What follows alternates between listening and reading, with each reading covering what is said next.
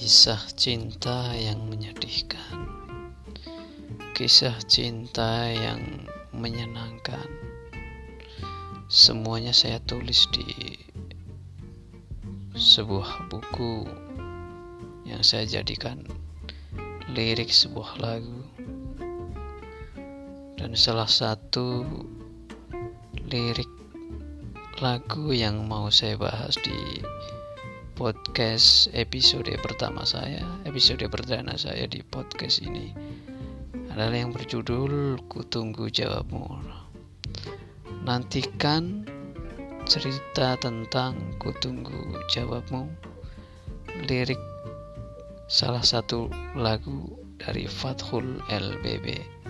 See you.